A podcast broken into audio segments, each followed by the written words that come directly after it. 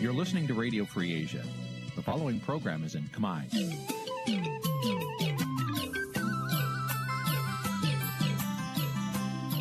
Nǐ chi càm bi tiệp xáy vệt chiu a zì sê ray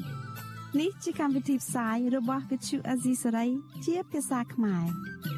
វត្តឈូអាស៊ីសេរីសូមស្វាគមន៍លោកអ្នកនាងទាំងអស់ពីរដ្ឋធានី Washington នៃសហរដ្ឋអាមេរិក បាទខ្ញុំបាទទីនសាករិយាសូមជម្រាបសួរលោកនាងកញ្ញាទាំងអស់ជាទីមេត្រីជាខ្ញុំសូមជូនកម្មវិធីផ្សាយសម្រាប់យប់ថ្ងៃសុក្រ500ខែមករាឆ្នាំឆ្លូវត្រីស័កពុរសករាជ2565ត្រូវនៅថ្ងៃទី24ខែធ្នូគ្រិស្តសករាជ2021បាទជំនុំនេះសូមជម្រាបលោកនាងកញ្ញាស្ដាប់ព័ត៌មានប្រចាំថ្ងៃដែលមានមេត្តាដូចតទៅ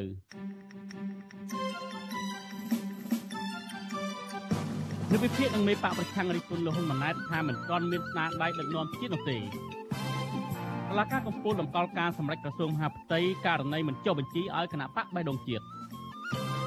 ប្រជាសហគមន៍ការពារប្រៃឡង់11នាក់ប្រកាសបដូរជីវិតចូលល្បាតប្រៃឡង់ឡើងវិញ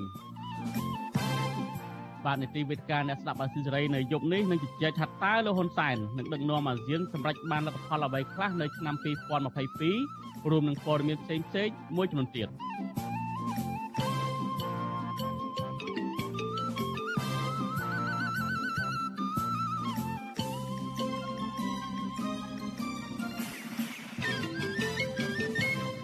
បាទលោកនាយកទីមេត្រីជាបន្តទៅនេះខ្ញុំបាទសូមជូនព័ត៌មានពុស្ដានិវិភាននយោបាយនឹងមេបកប្រឆាំងថាលោកហ៊ុនម៉ាណែតមិនទាន់មានស្នាដៃធ្វើជាមេដឹកនាំជាតិនោះទេហើយលោកហ៊ុនសែនកំពុងតែលេងល្បែងបំរើប្រយោជន៍សម្រាប់តែក្រុមគ្រួសាររបស់លោកតែប៉ុណ្ណោះការលើកឡើងនេះបន្ទាប់ពីគណៈបកប្រជាជនកម្ពុជាសម្រាប់ជ្រើសរើសកូនប្រុសច្បងរបស់លោកនាយករដ្ឋមន្ត្រីហ៊ុនសែនគឺលោកហ៊ុនម៉ាណែតឲ្យក្លាយជាបេក្ខជននាយករដ្ឋមន្ត្រីដំណាក់ស្នងតំណែងពីឪពុកដោយការក្រុងទុកនៅក្នុងសន្និបាតរបស់គណៈបកនៅថ្ងៃទី24ធ្នូនេះ បាទសូមលោកនាងរងចាំស្ដាប់សេចក្តីរាយការណ៍នេះពឹស្ដារនៅក្នុងកម្មវិធីផ្សាយរបស់យើងនាពេលបន្តិចទៀតនេះ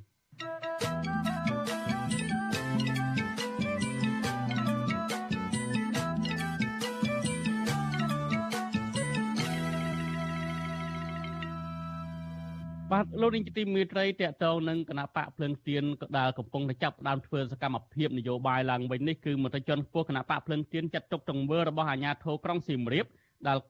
ដែលកាត់និងកោះរំលើងស្លាកស្នាក់ការគណៈបកក្នុងខេត្តទាំងយប់ដោយមិនបានបញ្ជាក់ពីមូលហេតុឲ្យបានច្បាស់លាស់ថាជាការរំលោភបំពានច្បាប់និងរើសអើងនិន្នាការនយោបាយប៉ុន្តែអាជ្ញាធរក្រុងសៀមរាបអះអាងថាស្លាកគណៈបកដែលលើកឡើងនោះគឺខុសច្បាប់ពីព្រោះពួកគេមិនបានសុំច្បាប់អនុញ្ញាតឬជូនដំណឹងទៅអាជ្ញាធរមូលដ្ឋានបាទប្រធានាធិបតីវ៉ាស៊ីនតោនលោកជាតិចំណានរាយការណ៍ព័ត៌មាននេះអាជ្ញាធរបានកាត់ផ្ដួលស្លាកទីស្តីការគណៈបកភ្លើងទៀន នៅខេត្តសៀមរាបមួយផ្ទាំងស្ថិតនៅភូមិត្រពាំងសេះសង្កាត់គោកចកក្រុងសៀមរាបបន្ទាប់ពីសមាជិកគណៈបកនេះបានលើកស្លាកនោះកាលពីល្ងាចថ្ងៃទី23ខែធ្នូប្រធានក្រុមការងារខេត្តសៀមរាបនិងជាសមាជិកគណៈកម្មាធិការអចិន្ត្រៃយ៍គណៈបកភ្លឹងទៀនលោកសុបកំសេងប្រាប់វិសុអសិរ័យនៅថ្ងៃទី24ខែធ្នូថាមុនពេលលើកស្លាកគណៈបកខាងលោកបានជួលដំណឹងទៅអាជ្ញាធរខេត្តតាក់ទងនឹងការជួបជុំសំណេះសំណាលជាមួយនឹងថ្នាក់ដឹកនាំសមាជិករបស់ខ្លួននិងការលើកស្លាកនៅទីស្តីការគណៈបកខេត្តនេះ ប៉ុន្តែអាជ្ញាធរក្រុងសៀមរាបជាច្រើនអ្នកបែរជាចុះទៅកាត់និងគាស់រំលើងស្លាកទីស្តីការគណៈបកខេត្តនេះទាំងយប់កាលពីថ្ងៃទី23ខែធ្នូដោយមិនបានបញ្ជាក់ពីមូលហេតុលោកចាត់ទុកទង្វើរបស់អាជ្ញាធរបែបនេះគឺជាការរំលោភបំពានច្បាប់និងបង្កើតបរិយាកាសមិនល្អមុនការបោះឆ្នោតដែលមិនអាចទទួលយកបាននោះឡើយ។ ទាំងច្បាប់បោះឆ្នោតទាំងច្បាប់គណៈបកនយោបាយខ្ញុំអត់ទាន់ឃើញមាត្រាណាមួយដែលតម្រូវឲ្យគណៈបកនយោបាយស្របច្បាប់ដែលចុះបញ្ជីនៅក្នុងក្រសួងមហាផ្ទៃនឹងត្រូវតែសូមអនុញ្ញាតច្បាប់ដើម្បីលើកផ្លាកកន្លងមកថាថាយើងលើកជាសាធារណៈទៅគឺយើងគ្រាន់តែជូនដំណឹងដល់អាជ្ញាធរទៅគឺយើងអាចលើកបានហើយហើយនេះគឺយើងលើកនៅស្នាក់ការហើយគឺកន្លែងឯកជនរបស់គណៈបកហើយហើយយើងបានជូនដំណឹងដល់ខេត្តទៀតប៉ុន្តែគឺនៅតែមានការចាត់វិធានការមករុះទាំងយប់ទាំងខុសម៉ោងរដ្ឋបាល ឆ្លើយតបនឹងរឿងនេះអភិបាលរងខេត្តសៀមរាបលោកប៊ូត្រីមេងលើកឡើងថាតំណាងគណៈបកភ្លឹងទៀនពិតជាបានដាក់សំណើទៅខេត្តហើយអភិបាលខេត្តបានឯកភាពឲ្យជួបជុំសកម្មជនប៉ុន្តែមិនអនុញ្ញាតឲ្យលើកស្លាកនោះទេដោយតម្រូវឲ្យគណៈបកនេះត្រូវសុំការអនុញ្ញាតឬជូនដំណឹងទៅអាជ្ញាធរមូលដ្ឋានជាមុនសិនលោកចោទប្រកាន់ថាស្លាកដែលលើកនោះធ្វើឡើងនៅខុសច្បាប់ដូច្នេះអាជ្ញាធរ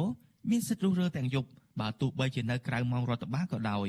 ចំពោះផ្លាកគណៈបកបើសិនជាសាក់នៅក្នុងដីទីសាធារណៈដីចំណីផ្លូវបោះរដ្ឋគឺសូមដាក់មកអាជ្ញាធរក្នុងករណីដែលជាដីកម្មសិទ្ធិរបស់ឯកជនសូមរាយការណ៍ជូនទៅសមត្ថកិច្ចនៅមូលដ្ឋានចឹងហើយបើសិនជាមានច្បាប់របស់ខ្ញុំមិនទៅកាត់មិនអីទេហើយឥឡូវខ្ញុំទៅពោទៅវិញថារកការលើកផ្លាកខ្ញុំឯកភាពក្នុងការលើកប៉ុន្តែឲ្យមានច្បាប់ទំនាប់ទាំងអាជ្ញាធរផងទោះជាយ៉ាងណាលោកសុកកំសែងអះអាងថាលោកបានជូនដំណឹងទៅអាជ្ញាធរខេត្តរួចហើយ ហើយគ្មានច្បាប់ណាតម្រូវឲ្យគណៈបកនយោបាយដែលលើកស្លាកនទីស្នាក់ការឯកជនរបស់ខ្លួនត្រូវជូនដំណឹងឬសុំច្បាប់ពីអាជ្ញាធរមូលដ្ឋាននោះទេលោកថាប្រសិនបើអាជ្ញាធរយល់ថាការលើកស្លាកនទីស្តីការបកខុសច្បាប់អាជ្ញាធរគួរតែចេញលិខិតជូនដំណឹងដោយបញ្ជាក់អំពីមូលហេតុផ្លូវច្បាប់ឲ្យបានច្បាស់លាស់ដែលមិនត្រូវធ្វើទង្វើបែបនេះនោះទេក្រៅពីអាជ្ញាធរខេត្តសៀមរាបចុះរុះរើស្លាកសញ្ញាគណៈបកភ្លើងទៀនខេត្តនេះកាលពីពេលថ្មីថ្មីនេះ សមត្ថកិច្ចខេត្តឧត្តរមានជ័យក៏បានចាប់ខ្លួនសមាជិកគណៈបកសង្គ្រោះជាតិលោកសុកវិលដែលត្រៀមចូលរួមជាមួយនឹងគណៈបកភ្លើងទៀនដែរតាក់ទងនឹងរឿងនេះមន្ត្រីសម្របសម្រួលផ្នែកអង្គការនៃអង្គការឃ្លាំមើលការបោះឆ្នោត Confrel លោកកនសវាងយល់ថាការប្រកួតប្រជែងដែលទទួលយកបានទាំងអស់គ្នាគឺអាស្រ័យទៅលើបរិយាកាសនយោបាយដោយគ្មានការរើសអើងមុនពេលបោះឆ្នោតពេលឃោសនាបោះឆ្នោតថ្ងៃបោះឆ្នោតនិងផ្ទេរអំណាចដោយសន្តិវិធី លោកថាការលើកស្លាកនទីស្តីការគណៈបកនយោបាយនឹងមិនប៉ះពាល់ដល់ទីតាំងសាធារណៈគឺមិនខុសច្បាប់នោះទេហើយពួកគេអាចដាក់ពាក្យប្តឹងទៅអាជ្ញាធរមានសមត្ថកិច្ចដើម្បីឆ្លើយតបនិងបកស្រាយជុំវិញរឿងនេះ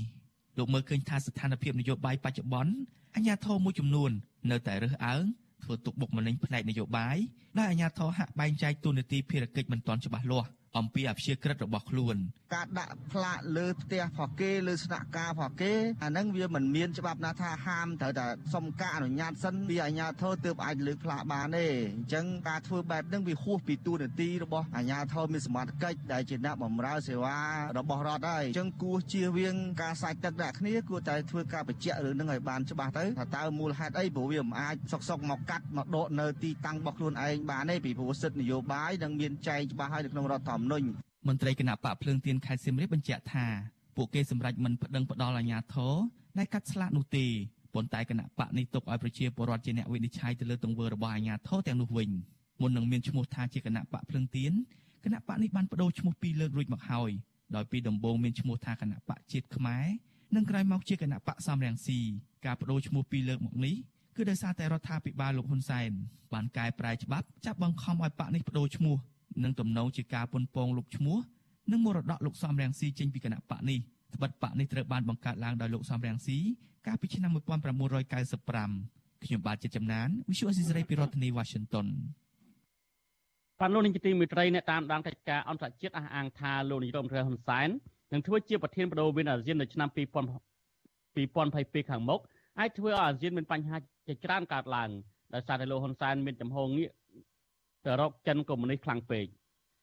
ចំពោះវិបត្តិនយោបាយនៅភូមាវិញក្រុមនៃវិភាគក៏រំមិនរំពឹងថាលោកហ៊ុនសែនអាចដោះស្រាយបានដែរតើលោកនាយរដ្ឋមន្ត្រីហ៊ុនសែនអាចនឹងធ្វើជាប្រធានបដូវវេនអាស៊ាននៅឆ្នាំ2022ខាងមុខនេះអាចនឹងមានបញ្ហាអ្វីខ្លះកើតឡើងហើយអាស៊ានដែលមានគោលការណ៍សហគមន៍តែមួយនោះនឹងខ្លាយទៅជាបែបបែបណា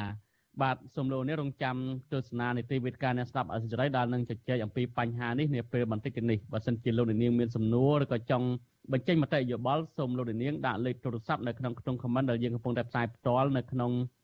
Facebook និង YouTube យើងខ្ញុំនឹងតាក់ទងទៅលោកនាងវិញបាទសូមអរគុណ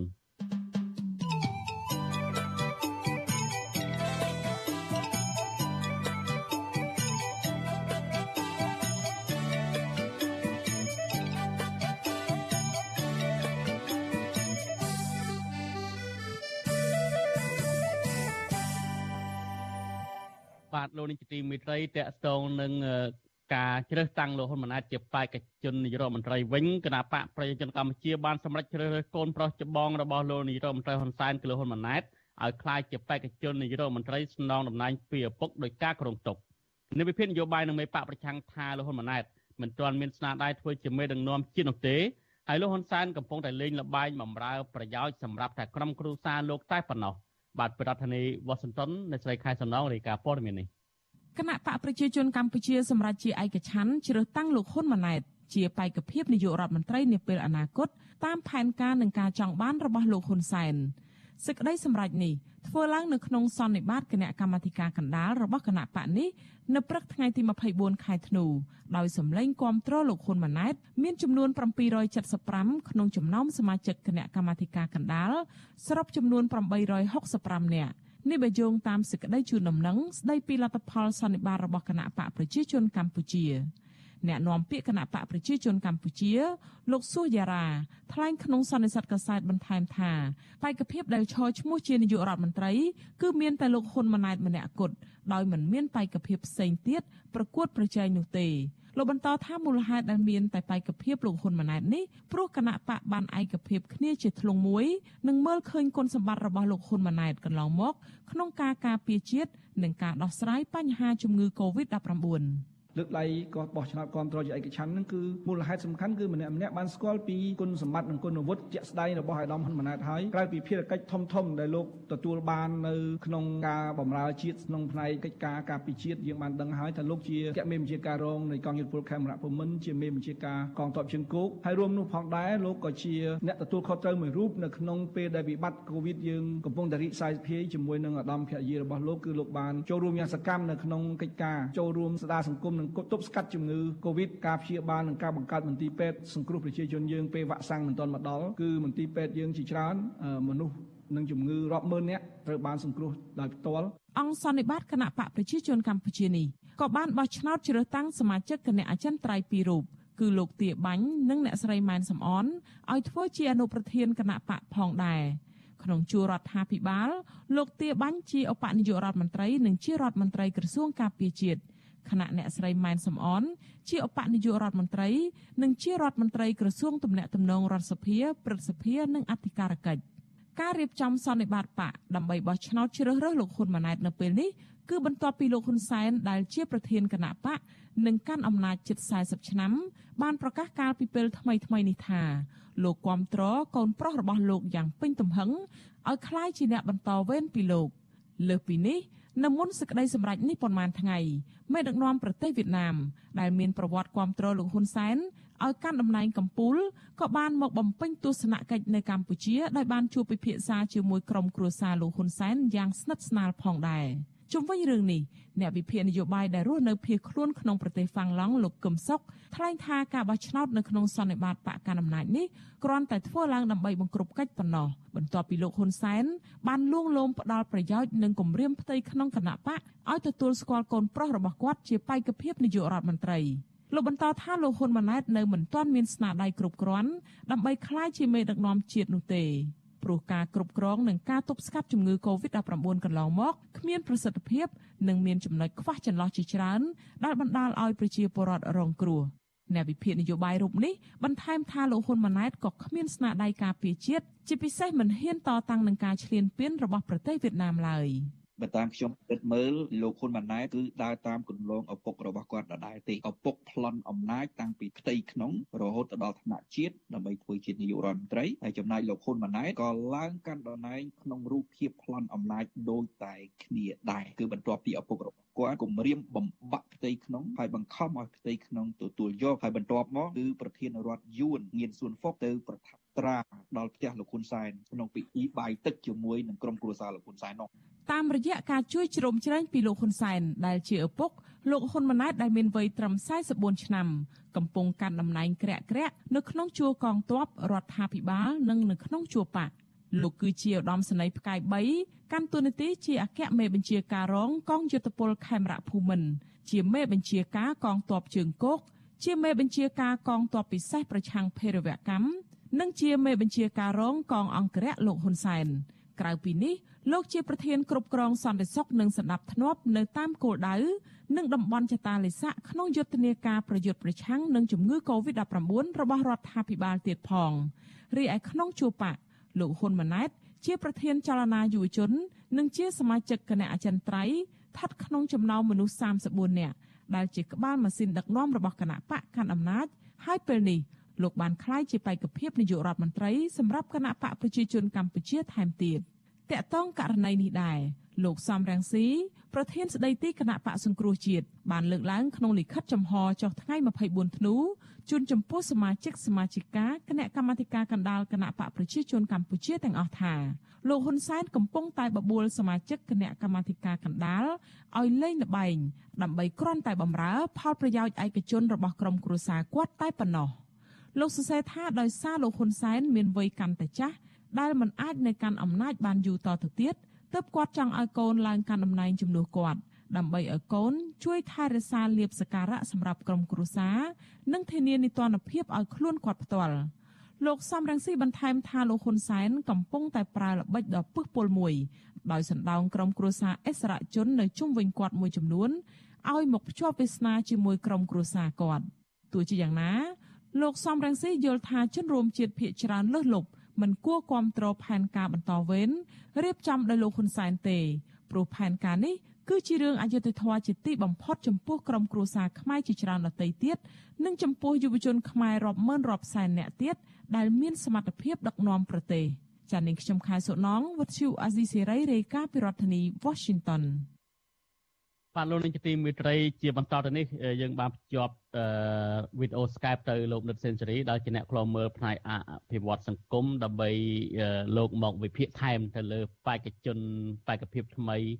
គឺលោកហ៊ុនម៉ាណែតជាបេក្ខជននាយករដ្ឋមន្ត្រីនេះបាទខ្ញុំបាទសូមជម្រាបសួរលោកនិតសេនស៊ូរីបាទជម្រាបសួរបាទបាទអរគុណដែលលោកបានចូលរួមនៅក្នុងការចែករបស់យើងនៅពេលនេះឃើញថា ដោយសេចក្តីរាយការណ៍របស់អ្នកស្រីខែសំណងបាយមិនអញ្ចឹងគឺគណៈបព្វជិជនកម្ពុជាបានសម្រេចជាឯកច្ឆ័ន្ទជ្រើសរើសលោកហ៊ុនម៉ាណែតហ្នឹងគឺមានសម្លេងដល់ទៅ700សម្លេងជាងឯនោះហើយការសម្រេចថ្ងៃនេះឃើញថាគណៈបព្វជិជនកម្ពុជាបានសម្រេច3ចំណុចគឺទី1ជ្រើសតាំងលោកហ៊ុនម៉ាណែតជាបេក្ខជននាយរដ្ឋមន្ត្រីបន្តវេនពីឪពុកហើយទី2គឺជ្រើសតាំងមន្ត្រីជាន់ខ្ពស់គណៈបកប្រជាជនកម្ពុជាពីរូបភាពគឺមានលោកទាបាញ់និងអ្នកស្រីម៉ែម៉ែនសំអននឹងជាអនុប្រធានគណៈបក ចំណុចទី3គឺថាគឺការដាក់ផែនការសម្រាប់ការចូលរួមបោះឆ្នោតនៅឆ្នាំ2022ខាងមុខលោកនិតសេនស៊ូរីយើងមើលឃើញថាការដែលជ្រើសតាំងលោកហ៊ុនម៉ាណែតជាបេក្ខភាពនាយករដ្ឋមន្ត្រីនេះឃើញថាជាប្រដ្ឋយើងបានដឹងទៅហើយគឺលោកហ៊ុនសែនបានប្រកាសមុននេះទៅហើយប៉ុន្តែជាកត្តាជាបញ្ហាមួយទៀតដែលយើងមើលឃើញថានៅស្របពេលជ្រើសរើសលោកហ៊ុនម៉ាណែតគឺមានតែងតាំងអនុប្រធានបកពីររូបថែមទៀតនេះតើលោកមើលឃើញបែបណាដែរចំពោះករណីនេះបាទ អឺបើយើងមើលផ្ទៃក្នុងរបស់គណៈបកប្រជាជន យើងពិបាកនៅក្នុងការធ្វើការវិតម្លៃណាស់ថាតើនីតិវិធីនៅក្នុងការជ្រើសរើសបេក្ខភាពនាយករដ្ឋមន្ត្រីនេះមាននីតិវិធីបែបណាហើយមានមានរឿងនៅខាងក្រោយនឹងយ៉ាងម៉េចក៏ប៉ុន្តែសម្រាប់ខ្ញុំខ្ញុំមើលពីមុំចេះខ្ញុំមើលឃើញថាអឺ ពីមុនយើងឃើញថាមានបេក្ខភាពនាយករដ្ឋមន្ត្រីច្រើនដែលសម្ដេចហ៊ុនសែនប្រកាសក៏ប៉ុន្តែឥឡូវនេះលោកហ៊ុនម៉ាណែតបានคลายទៅជាបេក្ខភាពនាយករដ្ឋមន្ត្រីផ្លូវការមានន័យថាជាបុគ្គលដែលត្រូវបានសន្និបាតគណៈបកប្រជាជនសន្និបាតគណៈកម្មការកដាលហ្នឹងជ្រើសរើសឲ្យទៅជាបេក្ខភាពនាយករដ្ឋមន្ត្រីផ្លូវការចាប់ពីពេលនេះតទៅអាហ្នឹងសម្រាប់ខ្ញុំខ្ញុំគិតថា គាត់បានបែងចែកគាត់បានឆ្លងកាត់កងពាន់ទី1ហើយមានន័យថាកងពាន់ទី1ហ្នឹងគឺត្រូវបានឆ្លងកាត់ការជ្រើសរើសដោយគណៈបកដោយផ្ទៃក្នុងបកអាហ្នឹងគាត់ទី1ទី2គាត់ត្រូវដើម្បីឲ្យคลายទៅជានាយករដ្ឋមន្ត្រីក្នុងអាណត្តិណាមួយនោះគឺគាត់ត្រូវឆ្លងកាត់កងពាន់ទី2គឺការបោះឆ្នោតជាសកលអញ្ចឹងក៏ប៉ុន្តែទោះបីយ៉ាងណាក៏ដោយខ្ញុំមើលថា ចាប់ពីថ្ងៃនេះទៅអឺគាត់អាចឆ្លាយទៅជានាយករដ្ឋមន្ត្រីបើក្នុងករណីដែលការបោះឆ្នោតឆ្នាំ2023គណៈបព្វជិជននឹងឈ្នះឆ្នោតហេតុអីបានខ្ញុំហ៊ានសន្និដ្ឋានបែបហ្នឹងព្រោះអឺនៅពេលដែលពួកយើងការបោះឆ្នោតរបស់យើងនៅកម្ពុជាជាការបោះឆ្នោតតាមបែបប្រព័ន្ធសមាមាត្របោះឆ្នោតជ្រើសរើសបកហើយបកមានសិទ្ធិផ្ដល់មានសិទ្ធិស្នើទៅសភានៅបេក្ខជននាយករដ្ឋមន្ត្រីអញ្ចឹងវាអាស្រ័យទៅលើ សម្ដេចហ៊ុនសែនផ្ទាល់ទេថាតើគាត់ព្រមឬក៏គាត់នឹងពិចារណាបែបណាថាអាណត្តិ2023នេះនឹងផ្ទេរអំណាចទៅឲ្យកូនប្រុសគាត់តែម្ដងឬក៏ធ្វើទៅតាមអ្វីដែលគាត់ធ្លាប់ប្រកាសថាគាត់ត្រូវកាន់ពីអាណត្តិទៀត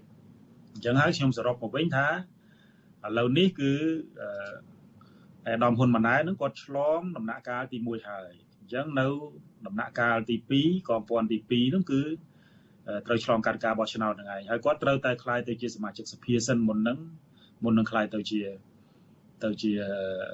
នាយករដ្ឋមន្ត្រីបាទបាទលោកដិតសេនស៊ូរីមុននឹងជជែកទៅករណីលើករណីលោកហ៊ុនម៉ាណែតនេះចង់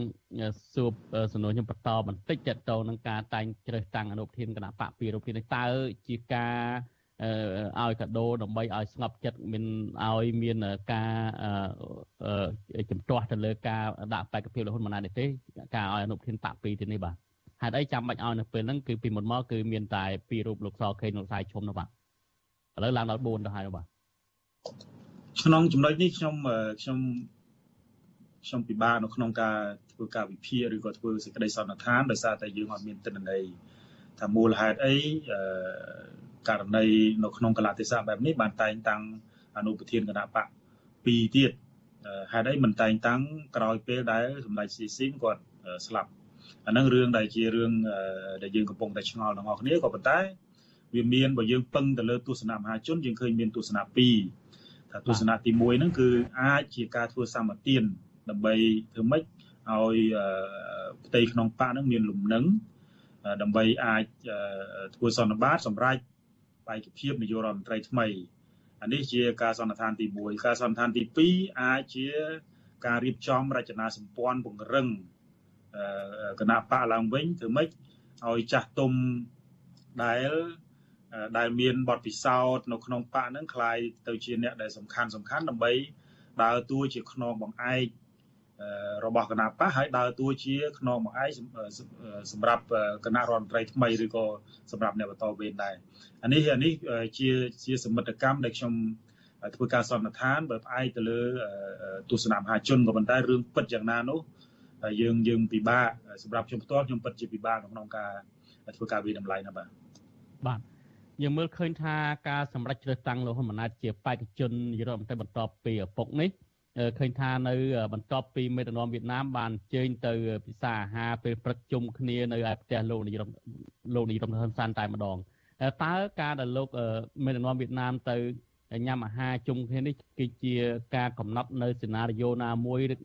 នឹងហើយអាចបានជាលទ្ធផលនៅថ្ងៃនេះទេលោកដិតសេនស៊ូរីបាទអឺយើងយើងតាមពិតទៅយើងឃើញថាការកំណត់ថ្ងៃទី24នេះគឺជាការកំណត់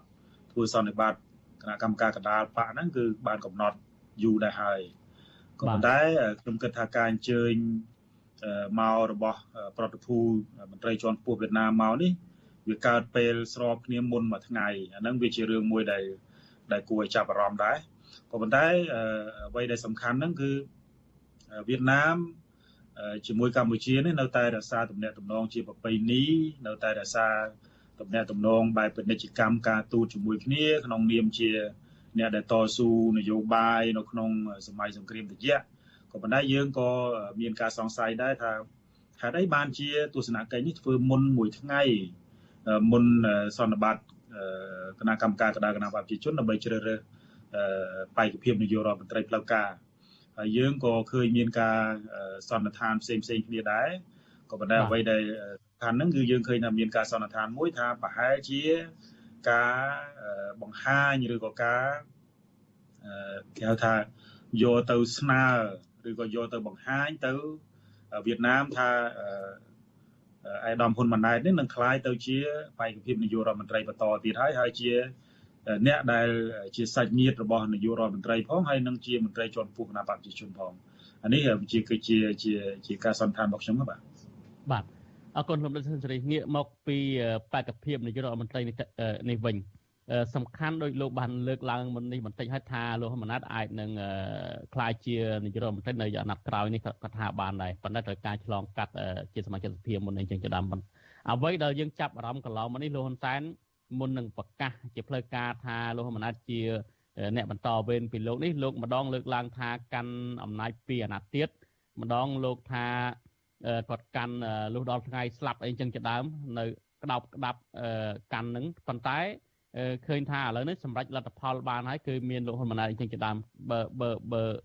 បើបើជាក់ស្ដែងទៅវិញលោកមើលឃើញថាតើអាចនៅក្នុងអាណត្តិក្រោយនេះពិតប្រាកដទេនៅលោកនឹងអាចផ្លាស់ប្ដូរនៅគណៈក្រោយនេះទេហើយបើសិនជាអាចកតាអីខ្លះបើមិនអាចកតាអីខ្លះបាទសូមជ័យខ្ញុំមើលឃើញកតា2កតាទី1គឺកតាសុខភាព របស់សម្ដេចហ៊ុនសែនបច្ចុប្បន្នបើសិនជាក្នុងករណីចាំបាច់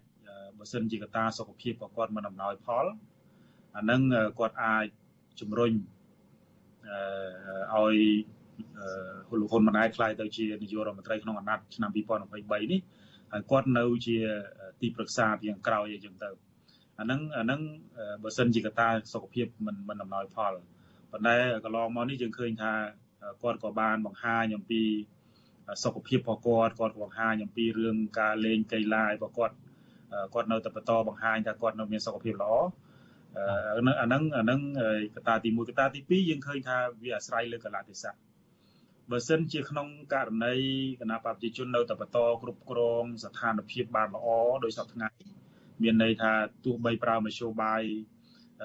ដែលត្រូវបានអន្តរជាតិមិនសូវជាឲ្យតម្លៃឬក៏មិនស្រូវទទួលស្គាល់ក៏ដោយប៉ុន្តែគណៈបព្វជិជនកំពុងតែគ្រប់គ្រងអំណាចបានពេញដៃតែម្ដងដូច្នេះបើសិនជាក្នុងករណីគណៈបព្វជិជនមិនមានកលៈទេសៈឬក៏ស្ថានភាពប្រែប្រួលដែលធ្វើឲ្យមានអតុល្យភាពនៃអំណាចទេខ្ញុំគិតថាឆ្នាំ2023នេះនឹងអាចមានការសារលបងនៅក្នុងការផ្ទេរអំណាចបាទបាទ 2023នឹងអាចចូលដល់សេនានាយកទី2ដែលលោកមានប្រសាសន៍នេះសម្រាប់អនាគតរបស់ប្រជាប្រដ្ឋខ្មែរទៅវិញយើងឃើញហើយនៅក្នុងរដ្ឋាភិបាលបច្ចុប្បន្នដែលពុករបស់លោកដឹកនាំនេះគឺមានបញ្ហាជាច្រើនកើតឡើងពិសេសទៅនឹងគឺអ្នកដែលមាននិន្នាការមិនគ្រប់គ្រងគណៈបកតាមអំណាចហ្នឹងគឺប្រឈមនឹងជាប់គុកច្បាប់អញ្ចឹងជាដើមអ្នកខ្លះគឺភៀសខ្លួនអញ្ចឹងជាដើមបញ្ហាសង្គមវិញ បញ្ហាចំនួនដីធ្លីហ្នឹងគឺមានរ៉ាំរ៉ៃដោះស្រាយមិនចប់បញ្ហាប្រព្រឹត្តអំពើពុករលួយហ្នឹងក៏នៅតែមានបញ្ហាអឺនិតនភាពហ្នឹងក៏នៅតែមានហើយកម្ពុជានៅតែមានចំណាត់ថ្នាក់នៅបាតតារាងរហូតតកតងទៅនឹងនីតិរដ្ឋឬក៏បញ្ហានិតនភាពអីចឹងជាដើមហើយសម្រាប់បេក្ខជនលោកហ៊ុនម៉ាណែតនេះវិញតើបរដ្ឋខ្មែរមានការអបគួរតែមានការអបអរសាទរទេតើរំពឹងថានឹងអាច ផ្លាស់ប្ដូរពីអ្វីដែលប្រសើរជាងនេះទេឬក៏ដឹកនាំដោយពុករបស់លោកឬក៏ស្លឹកឈើមជុះពីគុលលោកសេនស៊ូរីបាទខ្ញុំមើលឃើញថាមានកត្តាពីរដែលដែលអាចយើងអាចយកមកឆ្លុះប្រចាំងបាន ទីមួយកត្តាពលរដ្ឋខ្លួនឯងអាស្រ័យលើថាគាត់ជ្រើសរើសអ្នកណាបើសិនជាគាត់នៅបន្តបោះឆ្នោតឲ្យគណៈបព្វជិជនអាហ្នឹងគឺចង់មិនចង់គឺបើមិនសើបើបើមិនមែនអឺ សម្ដេចហ៊ុនសែនទៅក៏កូនប្រុសគាត់ដែរនឹងបន្តនៅក្នុងការដឹកនាំជានាយករដ្ឋមន្ត្រីរបស់ប្រទេសកម្ពុជាហើយបើសិនជាយើងក្នុងនិយាយក្នុងក្នុងករណីនេះក៏មានសំណួរលើកឡើងដែរថាអឺយើងឈ្នះឬក៏គណៈបកប្រឆាំងឈ្នះយ៉ាងម៉េចឬក៏អ្នកតស៊ូនយោបាយនៅក្នុងការប្រកួតប្រជែងជាមួយរដ្ឋាភិបាលឈ្នះយ៉ាងម៉េចបើសិនជាអាញាកណ្ដាលនៃការបោះឆ្នោតហ្នឹងជាអាញាកណ្ដាលរបស់គណៈបព្វជិជនអីចឹងទៅអញ្ចឹងសំណួរនឹងសួរបន្តទៀតដែរថាតើយើងគួរតែ គណៈបកដែលនឹងចូលរួមការបោះឆ្នោតហ្នឹងនឹងគួរតែដោះស្រាយឬក៏កែសម្រួលគួរចូលបសិនឬក៏ចូលទៅរួមការបោះឆ្នោតដើម្បីកែសម្រួលអាហ្នឹងអាហ្នឹងយើងឃើញមានការលើកឡើងច្រើនណាស់ហើយអ្នកដែលលើកឡើងថាត្រូវកែសម្រួលគោជបសិនហ្នឹងក៏មិនទាន់បានប្រាប់ពីនីតិវិធីលម្អិតថាកែយ៉ាងម៉េចបើសិនជាយើងអត់ទាន់បានចូលជាជាគេហៅថាជាគណៈបកនៅក្នុងការមានសិទ្ធិនៅក្នុងការបោះឆ្នោតអា នេះអានឹងតើយើងទៅជែកគ្នារៀងស៊ីជម្រៅថាតើមាននីតិវិធីអីដែលអាចធ្វើឲ្យគោជបនឹងអាចទទួលស្គាល់ដោយគ្រប់គណៈបកដែលចូលរួមការបោះឆ្នោតអានឹងអានឹងអានឹងគឺជាកញ្ចប់ទី1ដែលខ្ញុំចង់ឆ្លុះប្រចាំអញ្ចឹងនាយករដ្ឋមន្ត្រីទៅថ្ងៃអនាគតរបស់យើងនឹងវាអាស្រ័យទៅលើពលរដ្ឋដែរព្រោះយើងដូចចង់មិនចង់យើងត្រូវការយើងត្រូវគាត់ត្រូវតែឆ្លងកាត់ការបោះឆ្នោតហើយហើយបោះឆ្នោតយុទ្ធធម៌មិនយុទ្ធធម៌ទៅទៀតអាស្រ័យទៅលើគោជបទៅទៀតអញ្ចឹងវា វានៅបន្តគ្នារហូតអាហ្នឹងអាហ្នឹងរឿងទី1ដែលត្រូវពិចារណារឿងទី2គឺរឿងអឺសមត្ថភាពឬក៏បុគ្គលជាបេក្ខភាពនាយករដ្ឋមន្ត្រីគឺលោកហ៊ុនម៉ាណែតដោយខ្លួនឯងគាត់ត្រូវតែបើសិនជាគាត់ចង់មានការទុកចិត្តឬក៏ផ្ដល់ទំនុកចិត្តពីពលរដ្ឋកាន់តែច្រើនឡើងទីមួយគាត់ត្រូវតែមានសមត្ថភាពឆ្លើយតបទៅនឹងតម្រូវការរបស់យុវជនចំនួនថ្មី ព្រោះអ្នកដែលបោះឆ្នោតចាប់ក្នុងឆ្នាំ2023នេះគឺភាគច្រើនគឺជាយុវជនដំណើរដំណើរគាត់ដែរគឺជាអ្នកដែលកើតក្រោយឆ្នាំ79អាហ្នឹងរឿងទី1រឿងទី2អេរយាប័តនយោបាយថាតើគាត់ជាអ្នកដែលដោះស្រាយបញ្ហានិយមឬក៏គាត់ជាអ្នកដែលបកស្រាយនិយមបញ្ហានេះយើងយើងឃើញថាថ្មីថ្មីនេះក៏យើងខ្ញុំបើកមុខកញ្ចក់តិចដូចជាក្នុងករណីមន្ត្រីជាន់ខ្ពស់ក្រសួងការងារ ឆ្លើយតបជាមួយនឹងបុគ្គលិកកាស៊ីណូបាទមិនព្យាយាមដោះស្រាយបញ្ហាប៉ុន្តែព្យាយាមទៅចោទប្រកាន់គាត់ថែមទៀតថាមានយាបតឬក៏មានចរិតជាជាបដិវត្តពរអីអាការរៀបអាការរបៀបរបបក្នុងការដោះស្រាយបញ្ហាបែបនេះគឺពួកឲ្យពលរដ្ឋមានអារម្មណ៍ថាអ្នកមុននិងអ្នកក្រោយនឹងដូចអត់ខុសខុសគ្នាទេអានេះអានេះក៏ក៏ត្រូវតែពិចារណាដែរចំណុចមួយទៀតគឺ របៀបរបបនៅក្នុងការរៀបចំគោលនយោបាយថាតើគោលនយោបាយដែលដែលដែលគាត់នៅពេលដែលគាត់ខ្លាយទៅជានាយករដ្ឋមន្ត្រីនេះតើគាត់មានគោលនយោបាយអីហើយគោលនយោបាយនោះវាឆ្លើយទៅនឹងតម្រូវការរបស់របស់ពលរដ្ឋដែរទេហើយអ្វីដែលជាបន្ទុកដ៏ធ្ងន់សម្រាប់គាត់ហ្នឹងក៏គឺការបន្តរក្សាសន្តិភាពមួយដែលជាសន្តិភាពវិជ្ជមានព្រោះយើងឃើញច្បាស់ហើយថាអ្នកវិជាសាស្ត្រនយោបាយគ្រប់គ្នា ព្រមព្រៀងគ្នាថាសម្ដេចហ៊ុនសែនមានសមត្ថភាពកសាងសន្តិភាពដែលដែលជាសន្តិភាពអវិជ្ជមានគឺសន្តិភាពដែលគ្មានសង្គ្រាមគ្មានការកាប់សម្លាប់រង្គាលគ្មានការជំលះប្រជាជនអីជាដើមក៏ប៉ុន្តែឥឡូវនេះពលរដ្ឋខ្មែរកំពុងតែគាត់បានឆ្លងកាត់អសន្តិភាពបែបហ្នឹងហើយក៏ប៉ុន្តែឥឡូវនេះគាត់កំពុងតែត្រូវការសន្តិភាពដែលមានយុត្តិធម៌គាត់ត្រូវការសន្តិភាពដែលមានសម្បធម៌សង្គមគាត់ត្រូវការ សន្តិភាពដែលមានការគោរពសិទ្ធិមនុស្សត្រូវការសន្តិភាពដែលមានប្រជាធិបតេយ្យពេញលេញហើយអានេះគឺជាគឺជាវិញ្ញាសាធំណាស់សម្រាប់សម្រាប់លោកហ៊ុនម៉ាណែតហើយក៏ដូចជាអ្នកនយោបាយបន្តវេនដែលកំពុងប្រកួតប្រជែងអំណាចដែរអញ្ចឹងបើសិនជាក្នុងករណីមិនតែលោកហ៊ុនម៉ាណែតដែលនឹងត្រៀមคลายទៅជាបែកคลายទៅជានាយករដ្ឋមន្ត្រីមកពីគណៈប្រជាជនទេអ្នកដែល ដែលជាបេក្ខភាពនាយករដ្ឋមន្ត្រីមកពីគណៈបកផ្សេងក៏ត្រូវតែមានគោលនយោបាយស្តៀងគ្នានឹងដែរថាតើឆ្លើយតបទៅនឹងតម្រូវការយុវជនបែបណាឆ្លើយតបទៅនឹងតើរបៀបរបបដោះស្រាយបញ្ហារបស់សង្គមបែបណាហើយតើនឹងបន្តរក្សាសន្តិភាពដែលដែលជាសន្តិភាពដែលមានយុត្តិធម៌សន្តិភាពដែលមានសមធម៌សង្គមសន្តិភាពដែលមានប្រជាធិបតេយ្យការគោរពសិទ្ធិមនុស្សពេញលេញហ្នឹងបែបណា អញ្ចឹងវិញ្ញាសាមួយនេះវាជាវិញ្ញាសាមិនមែនសម្រាប់តែយុវជនគណៈបកណាមួយទេជាវាជាវិញ្ញាសាសម្រាប់យុវជនបន្តវេននយោបាយទាំងគ្រប់គណៈបកបាទបាទអរគុណលោកប្រសិទ្ធសេរីអឺចំណុចទី1ចំណុចទី2ដែលលោកដិតសេនស៊ូរីលើកឡើងថាអាស្រ័យលោកការដឹកនាំនោះគឺអាស្រ័យទៅលើសមត្ថភាពបុគ្គលហើយនឹងអេរយាប័តនយោបាយរបស់លោកហ៊ុនម៉ាណែតចំពោះទស្សនៈរបស់លោកមើលវិញតើអឺ សមត្ថភាពបុគ្គលហើយនឹងអេរយាប័តនយោបាយរបស់លោកហ៊ុនម៉ាណែតនឹងលោកមើលឃើញបែបណាដែរបាទអឺបើយើងមើលធ្វើការវិតម្លៃអំពីសមត្ថភាពនៃការអប់រំយើងឃើញថាគាត់ជាអ្នកដែលទទួលបានការអប់រំដល់កម្រិតកំពូលហើយទាំងវិស័យយោធានិងសេដ្ឋកិច្ចគាត់ទទួលបានបណ្ឌិតផ្នែកខាងសេដ្ឋកិច្ចហើយគាត់គាត់បានបណ្ឌិតសភាផ្នែកខាងយោធា ហើយគាត់ពេលត្រឡប់មកពីបណ្ឌិតវិញមកហ្នឹងគាត់ក៏ធ្វើការនៅក្នុងកិច្ចការងារដុំកំភួនដែររបស់រដ្ឋាភិបាលហើយក៏ឃើញថាគាត់ចេញមុខនៅក្នុងការធ្វើកិច្ចការងារសង្គមច្រើនដែរក៏ប៉ុន្តែទស្សនៈរបស់ពលរដ្ឋហើយខ្ញុំក្នុងចំណោមនៃពលរដ្ឋដែរហ្នឹងយើងឃើញថាមិនទាន់បានឆ្លើយតបឲ្យចំគេហៅថាដំបៅហ្នឹងអេសមិនទាន់ គេហៅថាអេសអេសលមាស់ហ្នឹងមិនចំមិនទាន់ចំដបៅឬក៏មិនទាន់ចំលមាស់នៅឡើយហើយក៏ប៉ុន្តែទោះបីយ៉ាងណាក៏ដោយសម្រាប់ខ្ញុំខ្ញុំគិតថានៅពេលដែលគាត់មិនទាន់បានដឹកនាំប្រទេសបែបនេះយើងពិតជាពិបាកនៅក្នុងការធ្វើការសន្និដ្ឋានណាថាតើគាត់នឹងមានសមត្ថភាពនៅក្នុងការដឹកនាំកម្ពុជាឲ្យមានការរីកចម្រើនបន្តទៅទៀតដោយរបៀបណាអញ្ចឹងយើងគ្រាន់តែឃើញថាបទពិសោធន៍ និងសកម្មភាពរបស់គាត់កន្លងមកហ្នឹងគឺគាត់ធ្វើនៅក្នុងកម្រិតមួយដែលក្រោមការណែនាំឬក៏ក្រោមគោលនយោបាយរបស់រដ្ឋាភិបាលរួមគាត់មិនទាន់មានសិទ្ធិនៅក្នុងការសម្រេចអនុវត្តគោលនយោបាយដោយផ្ទាល់នៅឡើយទេអញ្ចឹងសម្រាប់ខ្ញុំ50%យើងអាចធ្វើការសន្និដ្ឋានបានថាគាត់គាត់នៅមានកម្រិតនៅឡើយគាត់នៅនៅនៅ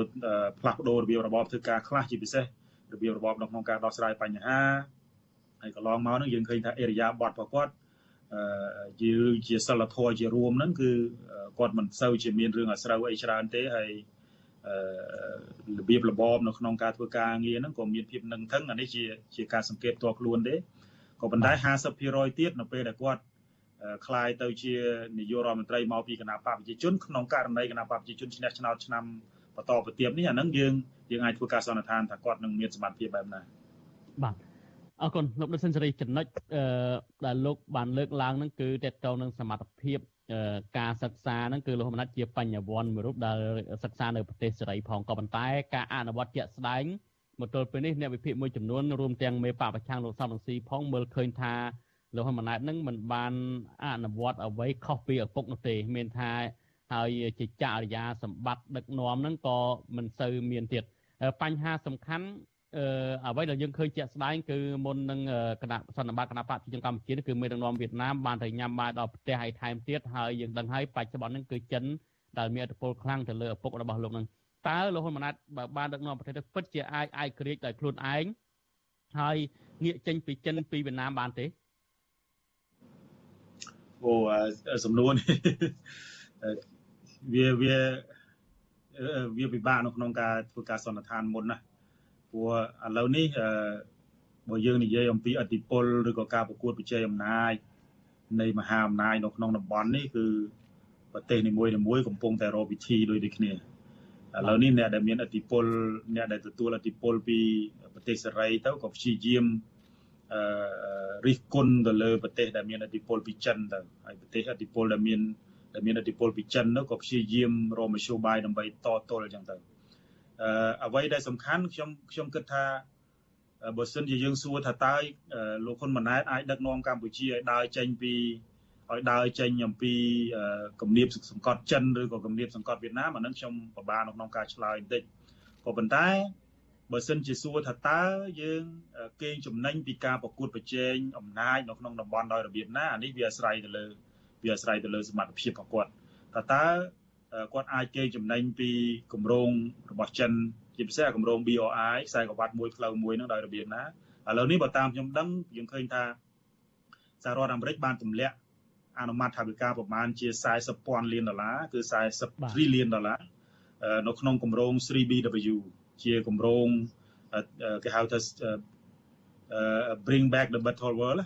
ធ្វើម៉េចឲ្យពិភពលោកនឹងប្រសើរឡើងវិញហើយ40 trillion នេះគឺសម្រាប់ អភិវឌ្ឍតំណភ្ជាប់ហេដ្ឋារចនាសម្ព័ន្ធនៅក្នុង Indo-Pacific អញ្ចឹងហើយបើសិនជាបើសិនជាយើងសួរថាតើយើងនឹងកេងចំណេញអំពីគម្រោងនៃមហាអំណាចទាំងពីរនេះដោយរបៀបណាអានឹងអានឹងខ្ញុំគិតថាល្អជាងហើយខ្ញុំសម្រាប់ខ្ញុំខ្ញុំថាមេដឹកនាំណាក៏ដោយឲ្យតែមានសមត្ថភាពនៅក្នុងការទាញប្រយោជន៍អំពីចំនួនមហាអំណាចទាំងពីរ ឬក៏ទាញប្រយោជន៍អំពីមហាអំណាចណាមួយមកឲ្យជាផលប្រយោជន៍របស់ជាតិអានឹងខ្ញុំគិតថាជាមេដឹកនាំដែលយើងគួរតែយើងគួរតែគ្រប់គ្រងលោកដិតសេរីចំណុចការកេងចំណេញពីប្រយោជន៍ពីមហាអំណាចនេះតើលោកហ៊ុនម៉ាណែតអាចកេងចំណេញបានបានអត់ទេព្រោះអីយើងឃើញថាទោះជាយ៉ាងណាលោកនៅកាន់បើសិនជាលោកបានដឹកនាំប្រទេសមែនគឺឪពុករបស់លោកហើយនិងមន្ត្រីចាស់ចាស់របស់គណៈបកកាន់អំណាចបច្ចុប្បន្នហ្នឹងនៅតែជាជាជាបរមគ្រូរបស់លោកដដែលនឹងបាទតើតើអាចទៅរួចទេ តើអាចសង្ឃឹមទេអានេះអានេះគឺជារឿងសំខាន់ណាស់ឥឡូវនេះបើយើងវាតម្លៃតាមស្ថានភាពជាក់ស្ដែងថាឪពុករបស់លោកហ៊ុនម៉ាណែតសម្ដេចហ៊ុនសែននឹងមានសមត្ថភាពនៅក្នុងការទាញប្រយោជន៍ពីចិនអាហ្នឹងយើងយើងយើងជាយើងមើលឃើញទាំងអស់គ្នាហើយប៉ុន្តែសំខាន់បើសិនជាលោកហ៊ុនម៉ាណែតអាចមានសមត្ថភាពនៅក្នុងការទាញផលប្រយោជន៍ពីសហរដ្ឋអាមេរិកឬក៏ពីសម្ព័ន្ធមិត្តប្រទេសលោកសេរី អញ្ចឹងមានន័យថាលោកហ៊ុនម៉ាណែតបង្ហាញពីសមត្ថភាពដែលគាត់មានសមត្ថភាពខ្ពស់ជាងឪពុករបស់ខ្លួនអានេះជារឿងដែលសំខាន់ហើយបើសិនជាយើងសន្និដ្ឋានពីឥឡូវថាតើគាត់មានសមត្ថភាពនៅក្នុងការទាញយកផលប្រយោជន៍ពីសហរដ្ឋអាមេរិកឬក៏ពីសម្ព័ន្ធមិត្តនៃប្រទេសលោកសេរីដោយរបៀបណានេះអឺយើងក៏នឹងពិបាកនៅក្នុងការធ្វើការសន្និដ្ឋានពីឥឡូវដែរប៉ុន្តែច្បាស់ថាគាត់ប្រកាសជារៀនសូត្រពីឪពុករបស់ខ្លួននៅក្នុងការទាញយកផលប្រយោជន៍ពីសម្ព័ន្ធមិត្តចិន ហើយបើសិនជាគាត់មានសមត្ថភាពនៅក្នុងការទាញយកផលប្រយោជន៍ពីសម្ព័ន្ធមិត្តលោកសេរីទៅទៀតដើម្បីមកជាផលប្រយោជន៍របស់កម្ពុជា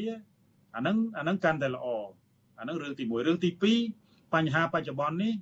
វាមិនមែនបញ្ហារឿងថាយើងយកយកផលប្រយោជន៍ពីមហាអំណាចណាមួយទេអ្វីដែលយើងឃើញថាជាការជាការជាជាបញ្ហាដែលកើតឡើងក្នុងសង្គមបច្ចុប្បន្ននេះគឺសមភាពសង្គមការបែងចែកផលប្រយោជន៍ ដែលបានមកពីការកេងចំណេញពីមហាអំណាចផ្សេងផ្សេងហ្នឹងយកមកបែងចែកផលប្រយោជន៍នៅក្នុងសង្គមហ្នឹងมันមានសមភាពនិយាយបែបនេះមិនមែនមានន័យថាយកមកចែកស្មើទេណាគឺយកមកចែកឲ្យវាមានសមធម៌អ្នកដែលមានសមត្ថភាពខ្ពស់បានច្រើនអ្នកដែលមានសមត្ថភាពតិចបានតិចអីចឹងទៅអញ្ចឹងហើយបញ្ហាបច្ចុប្បន្នវាមិនមែនបញ្ហារឿងទំនាក់ទំនងកម្ពុជារវាងចិនទំនាក់ទំនងកម្ពុជារវាងអាមេរិកទេគឺបញ្ហាដែលកើតឡើងអានេះជាជាការធ្វើការវិភាគរបស់ខ្ញុំថា ដោយសារតែការបែងចែកផលប្រយោជន៍យើងឃើញថាអ្នកដែលមានអំណាចទៅក៏ទទួលបានផលប្រយោជន៍ពីខ្សែស្រឡាយបពុះអីចឹងទៅអាហ្នឹងជា ជាការទៀមទាជាការរិះគន់របស់សង្គមយើងបច្ចុប្បន្នហ្នឹងបាទបាទបាទអរគុណច្រើនលោកដិតសិនសេរីបាទនឹងយើងនឹងចាំមើលបន្តទៀតថាតើបើនៅពេលលោកហ៊ុនម៉ាណែតមានឱកាសដឹកនាំប្រទេសហ្នឹងតើនឹងទៅជាយ៉ាងណានោះបាទខ្ញុំបាទអរគុណសូមជម្រាបជម្រាបលាលោកបាទជម្រាបលាបាទ បាទលោកនាងជាទីមេត្រីនៅពេលបន្តិចទៀតនេះយើងនឹងមាននីតិវេទការអ្នកស្ដាប់អាស៊ីសេរីដែលយើងនឹងជជែកថាតើលោកហ៊ុនសែននឹងធ្វើជាប្រធានអាស៊ានបដូវវេននោះនឹងដឹកនាំអាស៊ានទៅបានលទ្ធផលអ្វីខ្លះហើយដឹកនាំអាស៊ានទៅរបៀបណាបាទសូមលោកនេះរងចាំទេសនានីតិវិទ្យាអ្នកស្ដាប់អាស៊ីសេរីដែលយើងនឹងជជែកពីប្រធានបទនេះនៅពេលបន្តិចទៀតបើសិនជាលោកនេះមានសំណួរចង់សួរមកកាន់វិក្កាមរបស់យើងលោកនេះក៏អាចដាក់លេខទូរស័ព្ទនៅក្នុងខ្ទង់ comment Facebook និង YouTube ដែលយើងកំពុងតែផ្សាយផ្ទាល់នេះ យើងខ្ញុំនឹងតាក់ទងទៅលោកនាងវិញបាទលោកនាងជាទីមេត្រីនៅសល់តែប្រហែលថ្ងៃទៀតទេនឹងឈានចូលដល់ឆ្នាំថ្មីឆ្នាំសកលឆ្នាំ2022ហើយតើលោកនាងមានចំណាប់អារម្មណ៍ឬមានបំណងប្រាថ្នាអ្វីខ្លះសម្រាប់ឆ្នាំថ្មីខាងមុខនេះបើសិនជាលោកនាងចង់ផ្ញើសារណាមួយសូមថតសាររបស់លោកនាងជាវីដេអូ selfie និងផ្ញើទៅ Messenger Facebook page របស់អាស៊ីសេរីយើងនឹងជ្រើសរើសយកវីដេអូទាំងនេះទៅចាក់ផ្សាយក្នុងការផ្សាយផ្ទាល់របស់អាស៊ីសេរីបាទសូមអរគុណ។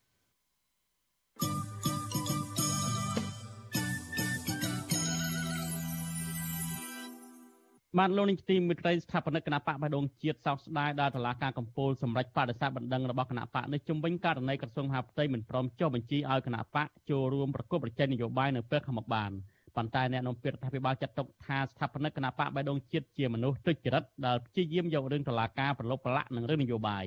បាទសូមលោកនេះរងចាំស្ដាប់សេចក្តីរាយការណ៍នេះពឹស្ដានៅក្នុងការផ្សាយរបស់យើងនេះព្រឹកស្អែកបាទលោកនាងទីមេត្រី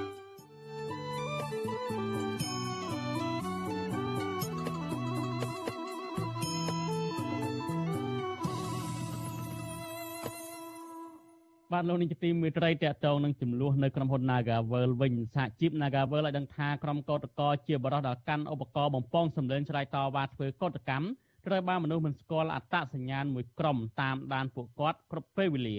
សហជីពចាត់ទុកសកម្មភាពនេះថាជាការគំរាមកំហែងហើយស្នើសុំអាជ្ញាធរចាត់វិធានការរក្សាសន្តិសុខនិងសុវត្ថិភាពជូនក្រុមកម្មករនយោជិតឲ្យបានល្អប្រសើរបាទប្រធានាធិបតីវ៉ាស៊ីនតោនលោកសេបណ្ឌិតរាយការណ៍ព័ត៌មាននេះ សហជីពនៃក្រុមហ៊ុន Nagavel ចាត់ទុកការប្រើមនុស្សគ្មានអត្តសញ្ញាណច្បាស់លាស់តាមយាយីលើសមាជិកសហជីពថា ជាការបំផិតបំភ័យនិងគំរាមកំហែងដល់ក្រុមកម្មករនយោជិតដែលធ្វើកោតកម្មដោយសន្តិវិធីប្រធានសហជីពត្រួតត្រងសិទ្ធិការងារបុគ្គលិកកម្មករខ្មែរនៃក្រុមហ៊ុន Nagavel កញ្ញាឈឹមស៊ីធថ្លែងថា ខាងសហជីពមានទាំងរូបភាពសន្លឹកនិងវីដេអូអំពីសកម្មភាពគម្រាមកំហែង ដែលជនទាំងនោះតាមដានធ្វើបាបក្រុមកម្មករជាសមាជិកសហជីពរហូតដល់ផ្ទះជួលរបស់ពួកគេតំណាងសហជីពរូបនេះស្នើសុំឲ្យអាជ្ញាធរមានសមត្ថកិច្ចចាត់វិធានការការពារសន្តិសុខនិងសុវត្ថិភាពជូនក្រុមកម្មករនយោជិតទាំងអស់ហើយស្រាវជ្រាវស្វែងរកមុខជនល្មើសទាំងនោះឲ្យឃើញយកមកផ្ដន់ទោសហើយប្រសិនបើពួកគាត់មិនមានសុវត្ថិភាពត្រូវបានគេតាមធ្វើ ខ្ញុំសង្ស័យថាគាត់ត្រូវយកផង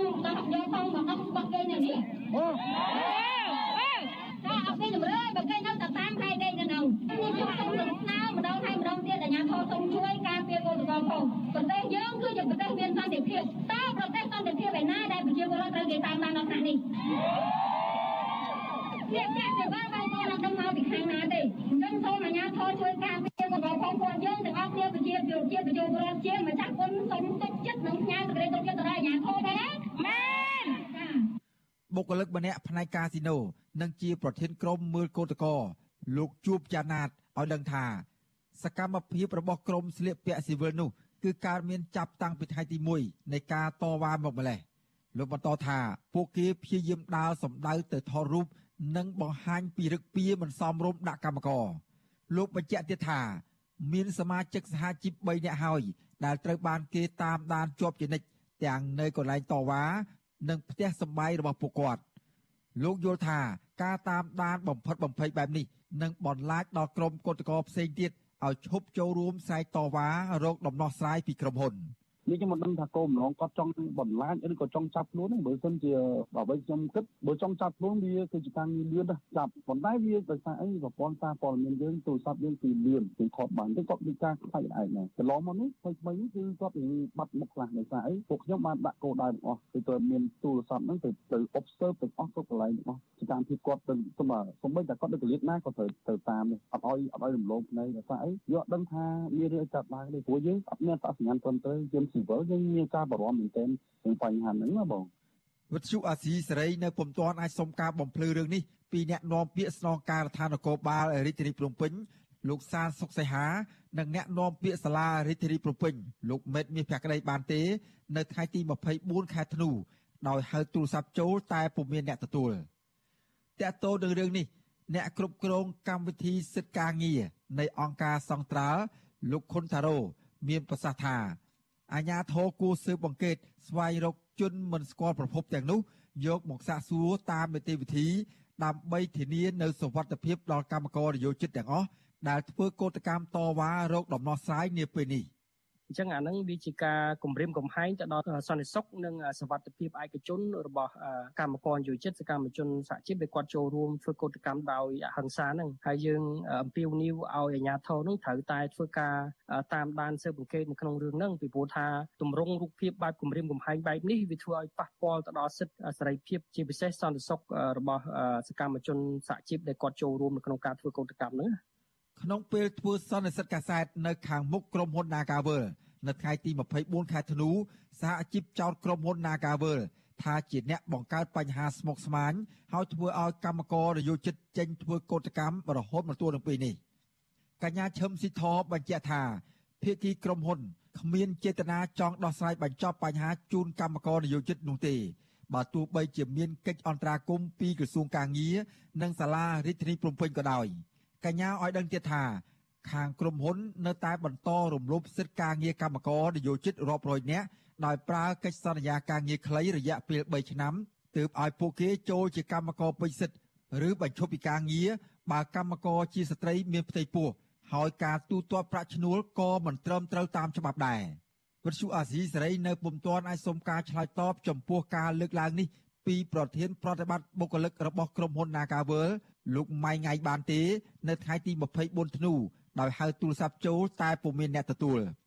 គិតមកដល់ពេលនេះក្រុមកម្មករនយោជិតនៃក្រុមហ៊ុន Nagavel នាំគ្នាធ្វើកោតកម្មដោយសន្តិវិធីអស់រយៈពេល7ថ្ងៃមកហើយដើម្បីឲ្យថៅកែព្រមទទួលយកឋានៈដឹកនាំសហជីពនិងបុគ្គលិកសរុបជាង300នាក់ដែលក្រុមហ៊ុនបញ្ឈប់ពីការងារកន្លងមកឲ្យចូលធ្វើការវិញ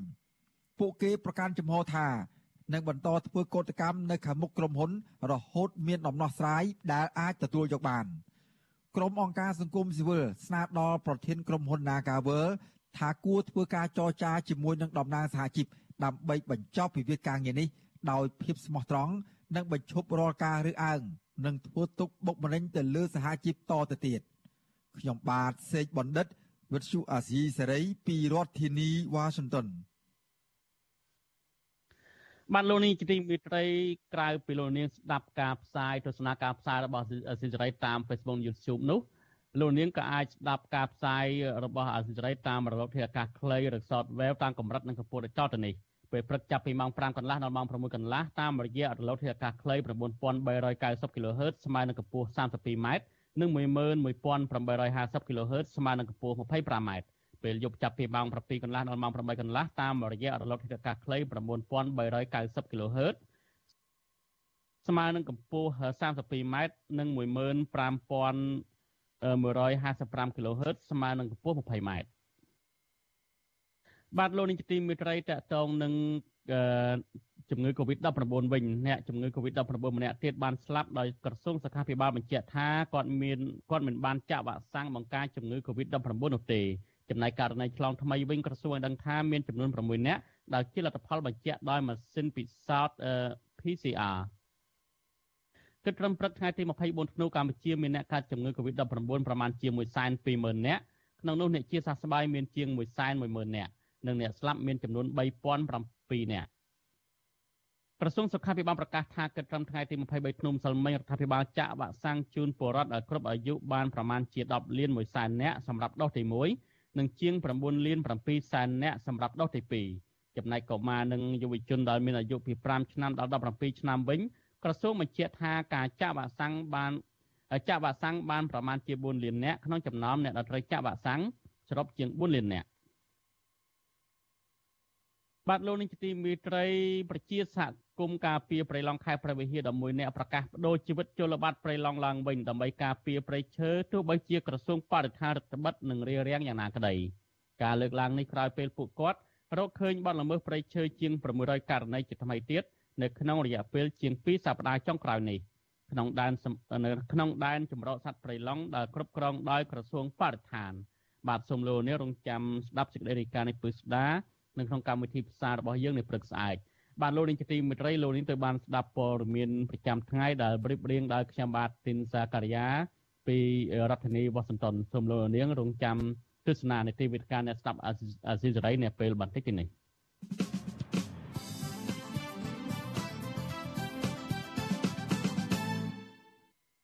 បាទលោកនាងជាទីមេត្រីជាបន្តទៅនេះគឺជានីតិវិទ្យាអ្នកស្ដាប់អាស៊ីសេរី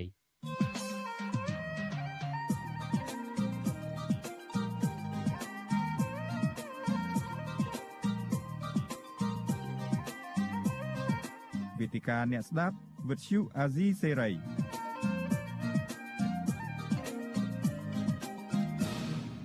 បាទខ្ញុំបាទទីនសាករិយាសូមជម្រាបសួរលោកនាងចិត្តថ្មីម្ដងទៀតនេតិវេទិកាអ្នកស្ដាប់អាស៊ីសេរី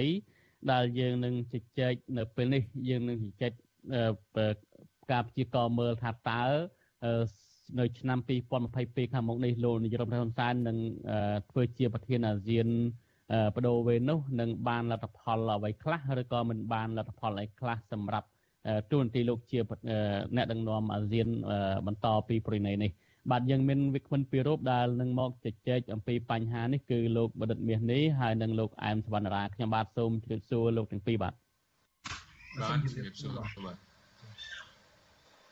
បាទអរគុណដែលលោកទាំងពីរបានចូលរួមបាននៅក្នុងកិច្ចពិភាក្សារបស់យើងនេះខ្ញុំ ចង់ញែកជា2គឺទី1យើងនឹងផ្ដោតសំខាន់ទៅលើតើលោកនាយរដ្ឋមន្ត្រីហ៊ុនសែននឹងទៅទស្សនកិច្ចរដ្ឋជួបមេយោធា មេដឹកនាំយោធាភូមានឹងនឹងសម្រេចបានលទ្ធផលដែរទេពិសេសគឺលោកចង់ទាញឲ្យអាស៊ានមកនៅ10វិញនៅក្នុងកិច្ចប្រជុំនៅឆ្នាំ2022ក្រោមការដឹកនាំរបស់លោកជាប្រធានអាស៊ាននោះហើយនៅវគ្គទី2ខ្ញុំចង់ផ្ដោតសំខាន់ទៅលើថាតើក្នុងនាមលោកហ៊ុនសែនជាប្រធានអាស៊ាននេះ នឹងដឹកនាំអាស៊ានទៅបែបណាឬក៏បានលទ្ធផលអីខ្លះបាទជាដំបូងនេះខ្ញុំចង់ទាញការចាប់អារម្មណ៍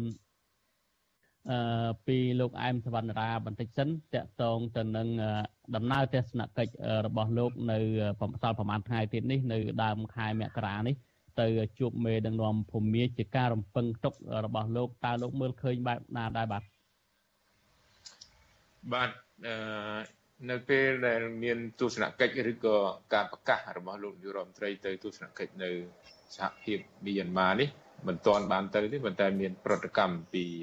ពលរដ្ឋភូមិខ្លះខ្លះពាក់ព័ន្ធទៅនឹងការមិនពេញចិត្តនៅក្នុងដំណើរទស្សនកិច្ចវាហាក់ដូចបីបីដូចជាកម្ពុជានឹងទទួលស្គាល់រដ្ឋាភិបាលយោធានឹងពេញច្បាប់នេះជាអ្វីដែលកង្វល់ពលរដ្ឋភូមិ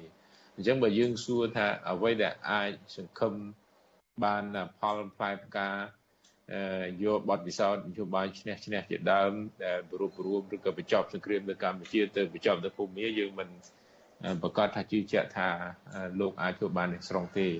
ក៏ប៉ុន្តែនៅក្នុងដំណើរទស្សនកិច្ចនេះគ្រាន់តែបើសិនគ្រាន់តែអាចធ្វើបានអឺជជែកជាមួយនឹងរដ្ឋាភិបាលយោធា